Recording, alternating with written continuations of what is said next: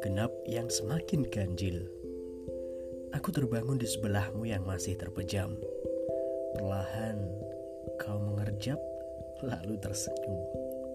Senyum yang membuatku percaya bahwa Tuhan ada dan telah menurunkan malaikatnya di hadapanku. Saat ini kau sedang demam, demammu masih tinggi.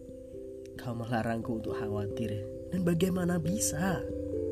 Tak dapatkah kau lihat bahwa sekarang hidupku sedikit banyak selalu tentangmu? Harusnya aku melarangmu untuk sakit. Atau kalaupun engkau sakit, jangan larang aku untuk tetap menjagamu seperti ini dan merasakan eksistensi ruang dan kontinuitas waktu tidak lagi berarti saat kau meluk-melukku. Kau memberi isyarat dengan gerak bibirmu tanpa suara, dan aku membalas padamu bahwa aku merasakan hal yang sama. Ya, isyarat. Lambat laun, cuma isyarat-isyarat itulah satu-satunya petunjuk tentangmu. Kau berubah Aku tidak paham mengapa kita tidak punya lagi waktu untuk berbincang banyak menyoal apa yang kau dan aku punya. Seolah pesawatku harus menempuh jarak miliaran cahaya untuk menatap sepasang mata coklat itu lagi.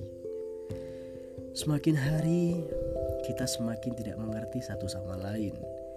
Bukan karena kita benar-benar tak mengerti, melainkan karena kau memilih untuk sulit dimengerti. Semakin hari, aku semakin takut dengan realitas bahwa kita memang akan berakhir sedih. Dan aku benci itu. Aku menyayangimu segenap-genapnya aku. Dan seperti kau menafikan aku seganjil-ganjilnya engkau. Seperti itulah aku menunggumu luluh.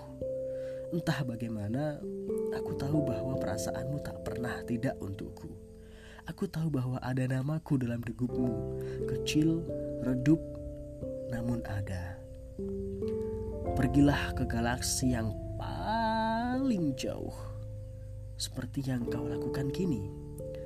Tapi ingat, alam raya selalu akan mengembalikanmu padaku, dan aku yakin itu.